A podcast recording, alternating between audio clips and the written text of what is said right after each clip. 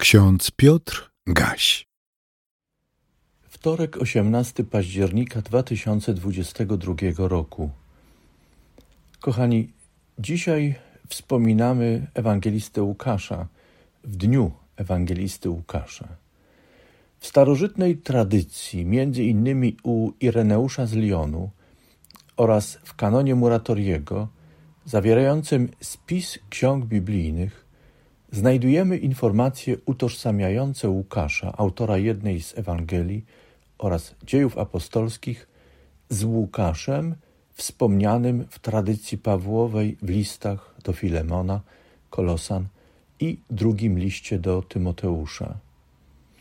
W nowożytnej refleksji egzegetycznej odniesiono się krytycznie do takiego spojrzenia. Krytycy zwrócili uwagę na brak wyraźnych odniesień w Ewangelii według Łukasza oraz w dziejach apostolskich do nauczania Pawła i tradycji Pawłowej.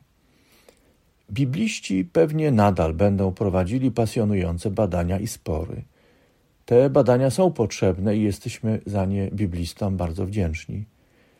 Dzisiaj z miłością chrześcijańską, szacunkiem i wielką wdzięcznością Dziękujemy Bogu za Łukasza, lekarza, człowieka wykształconego w kulturze greckiej, który upamiętnił nauczanie Jezusa Chrystusa i nauczanie apostołów w dwóch pismach Nowego Testamentu. Kochani, w tym dniu czytamy także hasła biblijne z pierwszej księgi Samuelowej oraz z Apokalipsy świętego Jana. W pierwszej księdze Samuelowej czytamy słowa Anny, matki Samuela. Pan zadaje śmierć, ale i przywraca do życia, strąca do krainy umarłych, ale i przywraca. W Księdze Objawienia świętego Jana czytamy takie słowa: Jam jest Alfa i Omega, początek i koniec, mówi Pan, Bóg, ten, który jest i który był i który ma przyjść, wszechmogący. Jan Chryzostom zadał pytanie, czymże jest nadzieja? Odpowiedział, ufnością w osiąganiu tego, co ma nadejść. Kochani, oba hasła pochodzą z hymnów uwielbiających Boga. Okoliczności ich powstania, a potem także śpiewania Bogu na chwałę były złożone. Złożone są bowiem ludzkie dzieje. Przypominają one warstwy, które, żeby je poznać, trzeba je odkopywać ze starannością i cierpliwością archeologa. Życie człowieka kojarzę też z tkaniną, która nie powstała sama z siebie – ale jest rezultatem pracy człowieka, który podobnie jak tkacz z należytą starannością, cierpliwością i kreatywnością pracuje, bo chce, aby jego tkanina była mocna, piękna i użyteczna.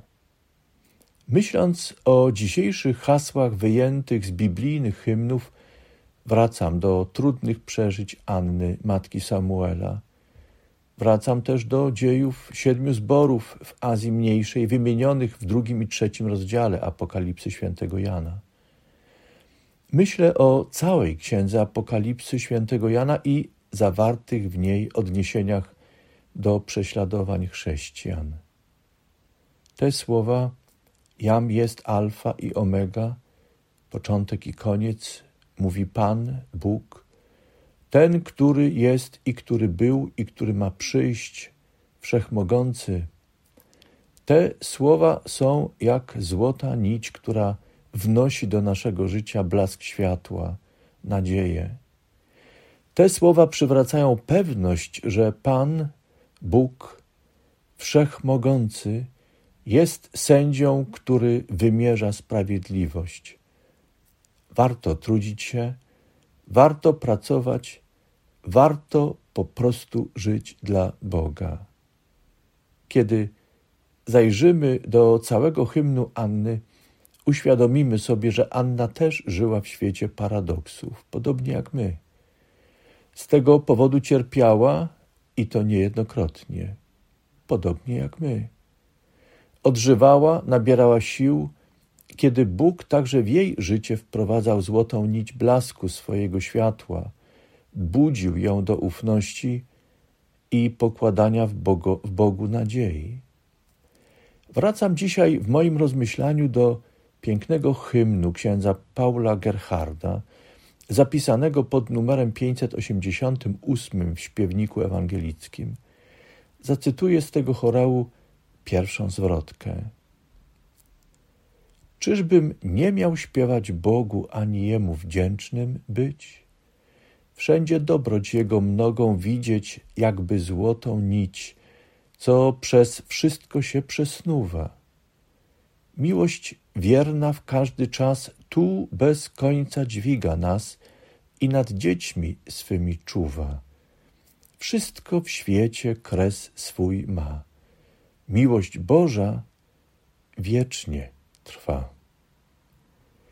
Kochani, kiedy myślę o paradoksach historii i teraźniejszości, kiedy porusza mnie niepokój o przyszłość, wracam do jeszcze jednego hymnu z listu do Rzymian.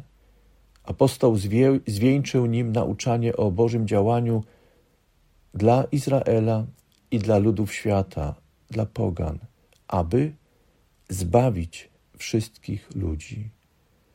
Apostoł napisał o głębokości bogactwa, o mądrości i poznania Boga.